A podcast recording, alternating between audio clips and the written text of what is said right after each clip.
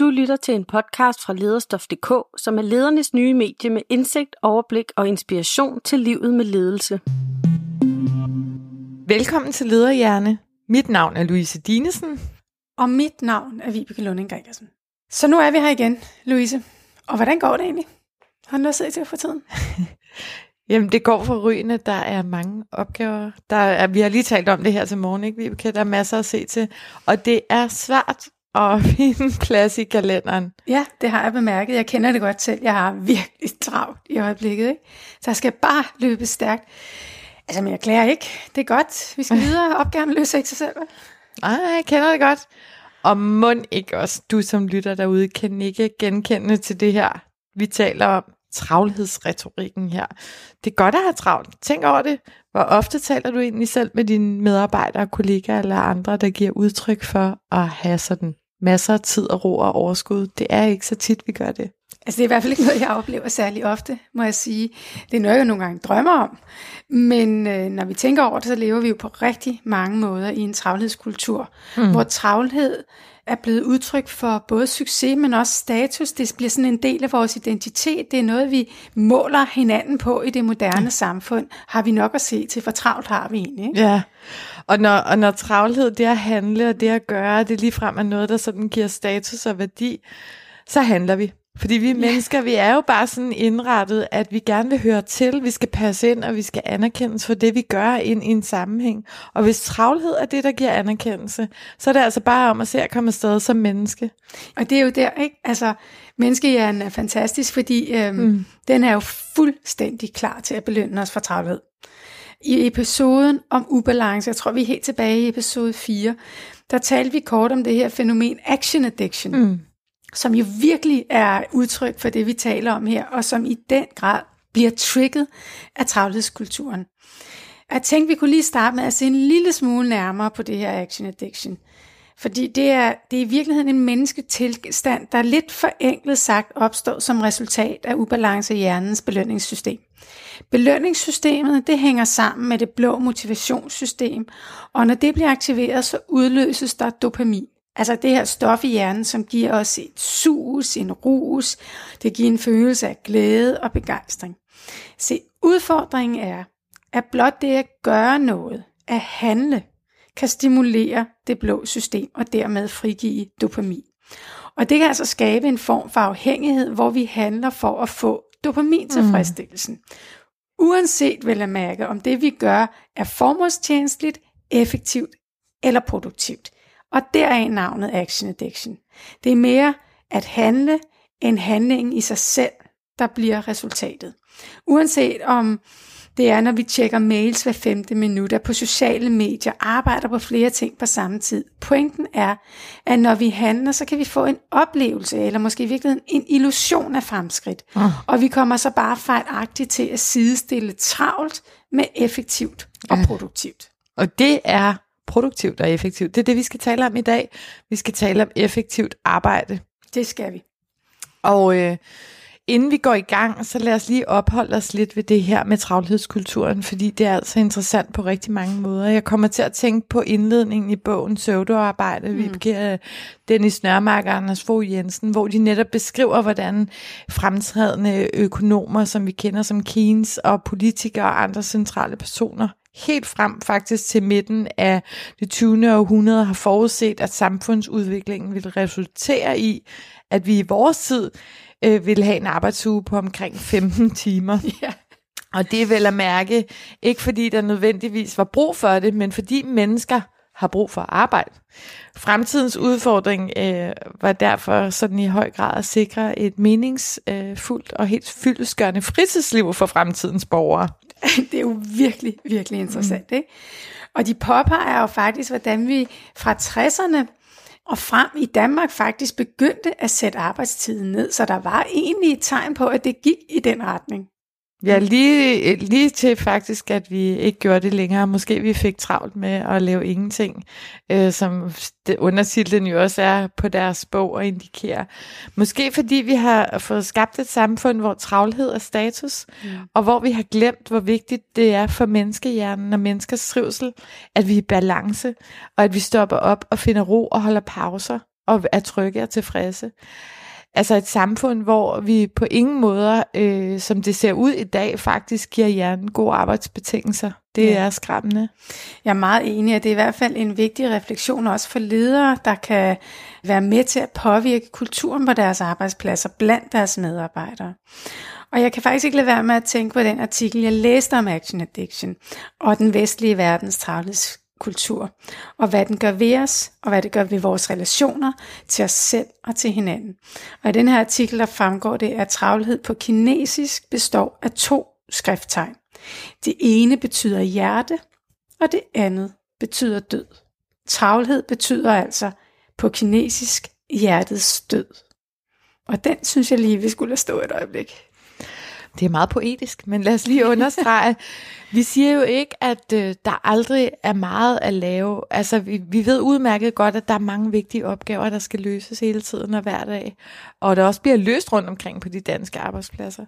Det her handler om, hvordan vi arbejder klogere, og hvordan vi tager hensyn til os selv og hinanden øh, som mennesker i måden, vi arbejder på i samfundet. Så Ja, vi skal måske i virkeligheden vende det hele lidt på hovedet, og husk hinanden på, at når noget er vigtigt, når vi har meget at se til, når vi har travlt, så skal vi faktisk sætte tempoet ned. Vi skal ikke sætte det op. Vi skal med andre ord skynde os langsomt.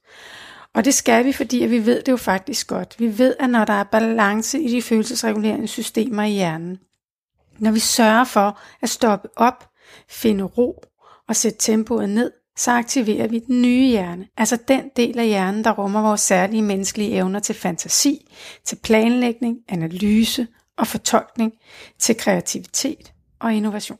Ja, og vi ved godt, at når vi har den ro og det overskud, der gør, at vi slår den her øh, nye hjerne til, så kan vi faktisk være opmærksomme både på vores egen, men også på andres trivsel, og vi kan, vi kan lade tvivlen komme til gode og være til gavn, både for os selv, og, og, men også for andre og vi kan give plads til den her eftertænksomhed og overblik, og være øh, mere menneskelige, om vi vil. Det er noget af det, vi kan. Og samtidig så ser vi jo, at i hundredvis af organisationer gør man hver dag det stik modsatte. Når noget er vigtigt, så bliver tonen i e-mailsene hårdere og aktiverer et røde system. Deadlines bliver forkortet, der sættes altså pres på det blå system, og det der sker, det er jo, at den gamle hjerne træder ind på scenen. Mm, mm. Og vi ser det jo også i organisationer, der er i problemer, som vi møder, Vibeke, og de her pauser, der bliver strøget, og frokosten bliver indtaget ved tastaturet, og arbejdsdagene bliver forlænget, og der er sådan en konstant multi-shift-tasking mellem forskellige computerprogrammer, opgaver, møder, telefonopkald og beskeder, og tempoet er bare øh, generelt højt. Ja, vi spænder hjelmen. Mm, vi løber stærkt. Vi giver den lige en ekstra skalle. Ja, og vi arbejder helt igennem. Ja, så. vi har travlt. Vi føler os vigtige og godt tilpas. Altså vel at mærke lige til vi ikke gør det længere. Ja, så gør vi det jo sværere for os selv. Øh, intentionen er god, og det er i bedste mening alt sammen, at vi opper os i et forsøg på måske at give medarbejderne og kollegaerne og chefen og virksomheden og produktet den bedste udgave her af os selv, så øh, forfalder vi til hurtigere, højere stærkere løber, jo mere jo bedre. Men bare ikke det, der giver det bedste resultat på den lange bane, og vi skal kigge lidt på, hvorfor. Ja. Så episoden i dag handler om det langsomme arbejde, om at skynde sig langsomt for at nå sikkert i mål. Det er en opfordring til ikke bare at lægge flere timer, ikke bare at svare hurtigere på mails, ikke at presse hinanden til det yderste, men til at give plads til det menneskelige, til den nye hjerne med bedre præstationer, resultater og trivsel for øje. Yes, og lad os starte med at se lidt på det her med antallet af arbejdstimer. Der har jo været rigtig meget tale om det herhjemme. Der er lavet forsøg med fire dages arbejdsuge, ved vi også forskellige politiske dagsordner. Taler også om, om nedsat arbejdstid. Ja, der er andre, der så taler om, at vi i forvejen har en meget lav arbejdstid, mm. eller at mange slet ikke arbejder så meget, som de tror, de gør. Ja, og der, der er mange holdninger og værdier i spil her på det her felt, og det er jo ikke alle erhverv, hvor det er lige nemt at nedsætte arbejdstiden. Men øh, at tage mere hensyn til hjernen i måden, vi arbejder på, det kan vi faktisk godt gøre alle steder, hvis vi vil det. Så ja. det er noget, vi kan. Ja, men selvom at det ikke er muligt alle steder, så skal vi altså alligevel lige starte med arbejdstiden og se, hvad vi rent faktisk på baggrund af viden og forskning kan sige om det. Men inden vi starter, så lige en opfordring til dig. Overvej, hvor meget du egentlig selv arbejder. Ikke kun antallet af timer på arbejdspladsen, men hvor meget du arbejder, hvor meget du er på. Det er en god idé. Vil du så lægge ud med lidt øh, forskning og arbejdstid her, Vibeke? Ja, altså jeg tænker, vi kan starte med øhm, The American Report on Labor Statistics, der fastslår, at ved arbejde over 55 timer per uge, indtræder en markant og signifikant højere risiko for kroniske hjertesygdomme, diabetes, depression og slagtilfælde. Og det er i virkeligheden rigtig dumt, at det overhovedet er en overvejelse værd at arbejde mm. så meget, fordi i mere end 100 år har vi vidst, at en arbejdsuge på over 40 timer ikke medfører øget produktivitet. Så de sidste 15 øh, timer, altså fra de 40 op til de 55, de er ren spild. Ja, det giver altså stof til eftertanke. Og det er faktisk helt tilbage i 1923, at dr. Ernst Abbe fulgte produktionen hos Zeiss i Tyskland grundigt. Og han, det han fandt ud af, var, at når man reducerede arbejdstiden fra 9 til 8 timer om dagen, så var det daglige output per medarbejder det samme. Og det blev bekræftet i samme periode af Philip Sargent Florence, der viste, at en reduktion fra de her 12 til 10 timers arbejde faktisk resulterede i øget produktivitet per medarbejder og en yderligere sænkning til 8 timer dagligt resulterede så i mindst en vedligeholdelse af produktionen her. Og i nogle øh, tilfælde også en mindre stigning faktisk. Men så skal vi så også øh, stå ved, at træerne ikke vokser helt ind i himlen, og at øh, festen ligesom stopper her, fordi færre end de 8 timer gav faktisk en nedgang i produktionen. Ja, det er jo super interessant, men jeg stiller så lige det spørgsmål, som jeg tænker kunne dukke op. De her undersøgelser, de er jo nemlig lavet på produktionsarbejde, mm. altså fabriksarbejdere. Og rigtig mange danskerne arbejder jo ikke længere ved samlebånd. De sidder på kontor, de arbejder med viden, med rådgivning og tal, de arbejder med mennesker. Ja, så ser det faktisk endnu værre ud, ja, vi, det, hvis vi skal hoppe ind i det. Vi, ja. vi ved jo også, at der skillige, altså mange forsøg har vist, at evnen til at udføre de her komplekse kognitive opgaver, de svinder øh, langt hurtigere end evnen til at udføre fysiske opgaver. Så for videnarbejdere, så indtræder faldet i produktivitet bare hurtigere, altså ved endnu færre timer. Og så er spørgsmålet jo ikke, altså betyder det, at der slet ingen effekt er af at arbejde et par ekstra timer? Så umiddelbart vil jeg jo mene, at hvis jeg bliver siddende to ekstra timer, mm. så når jeg mere, end hvis jeg stopper. Det er rigtigt, på den helt korte bane. Men alt efter øh, studie- og undersøgelsesmetoder osv., så, videre, så ser vi altså tegn på, at allerede efter fire dage med mere end 8 timers arbejde, så begynder effektiviteten og særligt den her kognitive kapacitet at falde. Og effekten af de ekstra timer, som du tager øh, eller ligger ind, aftager hurtigt. Og er man oppe på en periode på to måneder, så kan vi altså signifikant sige, at de ekstra timer, ud over de 8 timer, er spild og kun bidrager til den her øgede risiko for fysiske og mentale sygdomme. Det er vildt nok, ikke? Ja. Så en ekstra dag i ny og næ er okay, men hvordan øh, ser det egentlig ud med dig derude? Er det undtagelsen eller reglen, at vi lige tager de her ekstra timer øh, for os selv? Det er en super vigtig og god overvejelse til ledere. Altså jeg, jeg må bare sige, at rigtig mm. mange af de ledere, jeg kender, de arbejder virkelig mange mm. timer. Og det her, det hænger jo også sammen med et andet felt, som vi kommer til at berøre, nemlig søvn. Der er studier, der viser, at den kognitive funktionsnedsættelse kan ske meget hurtigt og meget drastisk, hvis de ekstra arbejdstimer mm. her går ud over søvnen. For eksempel, hvis man lige tager et par ekstra timer sent om aftenen, når familien er gået til ro. Bare to dage med mindre søvn end syv timer. Det fjerner altså effekten af ekstra timers arbejde. Og lad os lige den forbindelse nævne et helt klassisk studie fra University of Pennsylvania.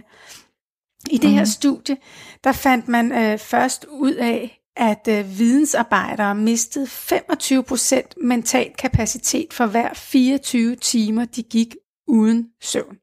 Man bliver langsommere, laver flere fejl, kan ikke overskue noget, og enhver, der har haft små børn, vil formodentlig nok kunne genkende nogle mm. af de mm. her symptomer. Ikke? Ja. Men hvis du arbejder igennem og kun sover 4-6 timer 14 dage i træk, så præsterer man kognitivt svarende til de forsøgspersoner, der havde været uden søvn i tre døgn, mm. som altså havde oplevet en 3 gange 25 procent svækkelse. Ja. Og det, der er rigtig skræmmende her, det er, at de mennesker, der fik for lidt søvn over 14 dage, rapporteret, at de bare følte sig lidt søvnige. Mm. De var fuldstændig uopmærksomme på, hvor påvirket de var.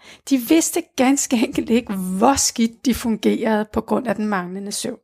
Så det skal vi altså lige være opmærksomme mm. på, især når vi nogle gange jo møder de her mennesker, der praler af, hvor lidt søvn de behøver. Ja, ja, ja, og vi ikke selv er bevidste om det faktisk, hvor skadeligt det kan være.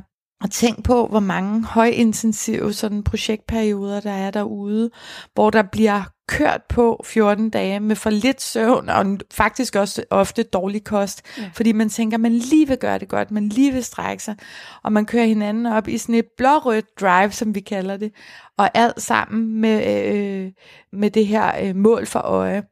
Men som du taler om det her, Vibeke, så får det jo nogle katastrofale konsekvenser øh, for os. Ja, man kan i hvert fald ikke garantere, at det er rationelle beslutninger, der bliver mm. taget, og man kan heller ikke garantere, at fejl bliver fundet. Og i nogle, altså nogle virksomheder, så ser vi jo desværre, at den ene øh, intensiv projektperiode straks erstattes med en ny, og så fortsætter presset. Øh, og det fører mig også videre til det, vi ved om tænkning under pres. Carl Honoré, der har skrevet bogen In Praise of Slow, beskriver, hvordan det, der kendetegner en langsom tænkning, altså en tænkning, hvor der er tid, rum og plads, skaber også det kreative, det innovative og det undersøgende. Det er altså rigere perspektiver, der er mere nuanceret, og hvor vi får tid til at overveje. Og det er også her, at øh, de overraskende idéer eller de store gennembrud kommer. Så det er vel lige præcis det, man har brug for i en krise, når noget er vigtigt, eller når virksomhedens overlevelse og omdømme står på spil. Noget vi også har set i de senere år, ja. kan være faresignaler derude. Mm. Ja. Jeg er helt enig, og det er også helt i tråd med Kahneman, som der jo vidderligt har fået masser af luft under vingerne herhjemme de sidste øh, år i, øh, i Thinking Fast and Slow. Og han er jo også meget tydelig omkring, hvordan det er at have tid til at tænke langsomt og slå den mentale automatpilot fra, mm. i højere grad sætter de her mere logisk tænkende dele af hjernen helt forrest. Og, øh, og det er jo meget interessant og et yderligere perspektiv i forhold til, hvad vi plejer at sige. Så, så beskriver Kahneman, hvordan vi, når vi sætter tempoet ned, tænker langsommere, bliver bedre til at tro på vores intuition, vores mavefornemmelse, og vi finder en større ro ved de konklusioner, vi når frem til. Og i vores perspektiv kan man jo ikke øh, lade være med at kæde det sammen med, at den gamle hjernes primitive motiver som magt, dominans og ego tøjles lidt bedre, og der bliver lidt mere plads til, til overblik, til analyse mm. og kreativitet. Men altså alt i alt, vi træffer simpelthen bedre beslutninger, når vi har tid og plads til at tænke langsomt. Mm, og tænk, hvor tit vi presser hinanden til det helt modsatte, ikke? Jo, og mere og mere, altså jo mere presset og fortravlet vi er, jo større er sandsynligheden for, at vi holder op med at lytte til hinanden, når vi bliver fortravlet, mm. og vi smitter hinanden med ja, vores travlhed. Ikke? Ja, og, og hvis vi bliver ved forskningen her, undersøgelser viser, at jo hurtigere faktisk vi selv øh, taler, er netop et af de første tegn på ubalance i hjernens følelsesregulerende systemer. Og jo større er sandsynligheden også for, at vi taler hen over eller munden på, eller også lige frem forbi hinanden. Og det stemmer jo også overens med de undersøgelser, der viser, hvordan ledere generelt faktisk har tendens til at tale i munden på hinanden, eller afbryde, eller lige frem komme til at tale grimt til medarbejdere. Så ja. hastighed, hastighed, hastighed. Ja, så det, det her, når vi sætter samtalehastigheden ned, så mm. sker der jo bare også det, at så opfanger vi bedre samtalepartnerens signaler. Vi tilpasser vores budskab, vi tilpasser vores toneleje til den, vi taler med, og vi bliver langt bedre til at lytte til den andens perspektiver. Det betyder altså, at empatien træder ind på banen, og så har vi den nye hjerne tilbage på scenen. Så essensen er egentlig simpel. Det kan godt være, at hastigheden går ned, at samtalen tager længere tid, men kommunikationen bliver faktisk mere effektiv, og nogle af de her misforståelser og forglemmelser, der kan opstå, de undgås, mm. også fordi at trusselsaktiveringen jo dæmpes. Ja. Så det du siger her, Vibke, det er less is more? Ja, for, for det meste, og det er i hvert fald essensen af meget af det her. Fordi hvordan vi end vender og drejer det, så er det her med bare at træde speederen i bund og arbejde igennem og spænde hjelm, men det er bare ikke særlig effektivt. Kun undtagelsesvist mm. og meget kortvarigt. Mm. Nej, og al den ekstra energi og de mange ekstra timer modsvares altså ikke af et ekstra et bedre resultat. Tværtimod, med mindre det er på den helt, helt korte bane, som altså ikke må vare mere end to dage. Projektet bliver ikke før færdig, og kvaliteten bliver ikke højere, og økonomien bliver altså ikke bedre. Så det der med at presse hinanden til det yderste øger lige frem, altså øh, risikoen for fejl og for en masse dobbeltarbejde. Og alligevel gør vi det af bedste mening, men af misforstået mening. Det er sådan et irrationelt bevis over for os selv og vores medarbejdere og vores overordnede på, at vi har gjort alt, hvad vi kan, at vi har givet os ekstra, men vi har faktisk ikke givet mere. Vi har i virkeligheden fået givet mindre. Ja, vi risikerer faktisk at blive fanget af at se ud som om, at vi gør vores bedste, frem for reelt at gøre vores bedste ind i øh, arbejdet. Ja, og problemet er jo, at vi opdrager hinanden til det, som vi allerede har været lidt inde på her. Ikke? Vi modellerer værdierne og normerne i det moderne samfund, helt fra folkeskolen. Vi bliver hele tiden mødt af denne her jo højere og hurtigere og bedre kultur. Og det er altså øh, den skole, vi er opdraget i, så det er altså også det, vi tager med os, når vi bliver forældre, og også mm. når vi bliver ledere. Og så risikerer vi faktisk at reproducere øh, måder at gå på arbejde på, der hverken er til gavn for vores medarbejdere, virksomheden, øh, eller selv, eller kommende generationer for den sags skyld. Ikke? Med viden om menneskehjernen, så er det altså, det er det, vi er så optaget her, der kan du skabe den ro og balance. Øh, du kan skabe plads til compassion for øh, dig selv, men også for dine medarbejdere. Og når du leder med den gamle hjerne, så bliver ledelse en kamp om at nå målet for hver en pris, altså accelerationen. Og uanset om prisen så betales af dine medarbejdere, øh, dig selv eller organisationen, så er det det, det handler om. Ja, med compassion kan du skabe tryghed for dine medarbejdere. Du kan skabe et rum, hvor de tør ytre sig, tør fejle og tør give noget af sig selv, både fagligt og socialt. Og husk, at lede med compassion er fortsat at lede mod et mål. Måske går det lidt langsommere, end I er vant til. Til gengæld er det mere sandsynligt, at I når frem, uden de store menneskelige omkostninger. Og hvis du vil gøre noget allerede nu, så start med at tale langsommere og gå lidt langsommere. Husk at holde pauser. Det kommer vi til at vende meget mere tilbage til. Men det var alt for os for denne gang. Så have en rigtig god og langsom dag derude. Du har lyttet til Lederhjerne. Tak fordi du var med. Du har lyttet til en podcast fra Lederstof.dk, som er Danmarks nye medie om livet med ledelse og alle de emner, der præger lederens hverdag. Vi bliver udgivet af lederne, Danmark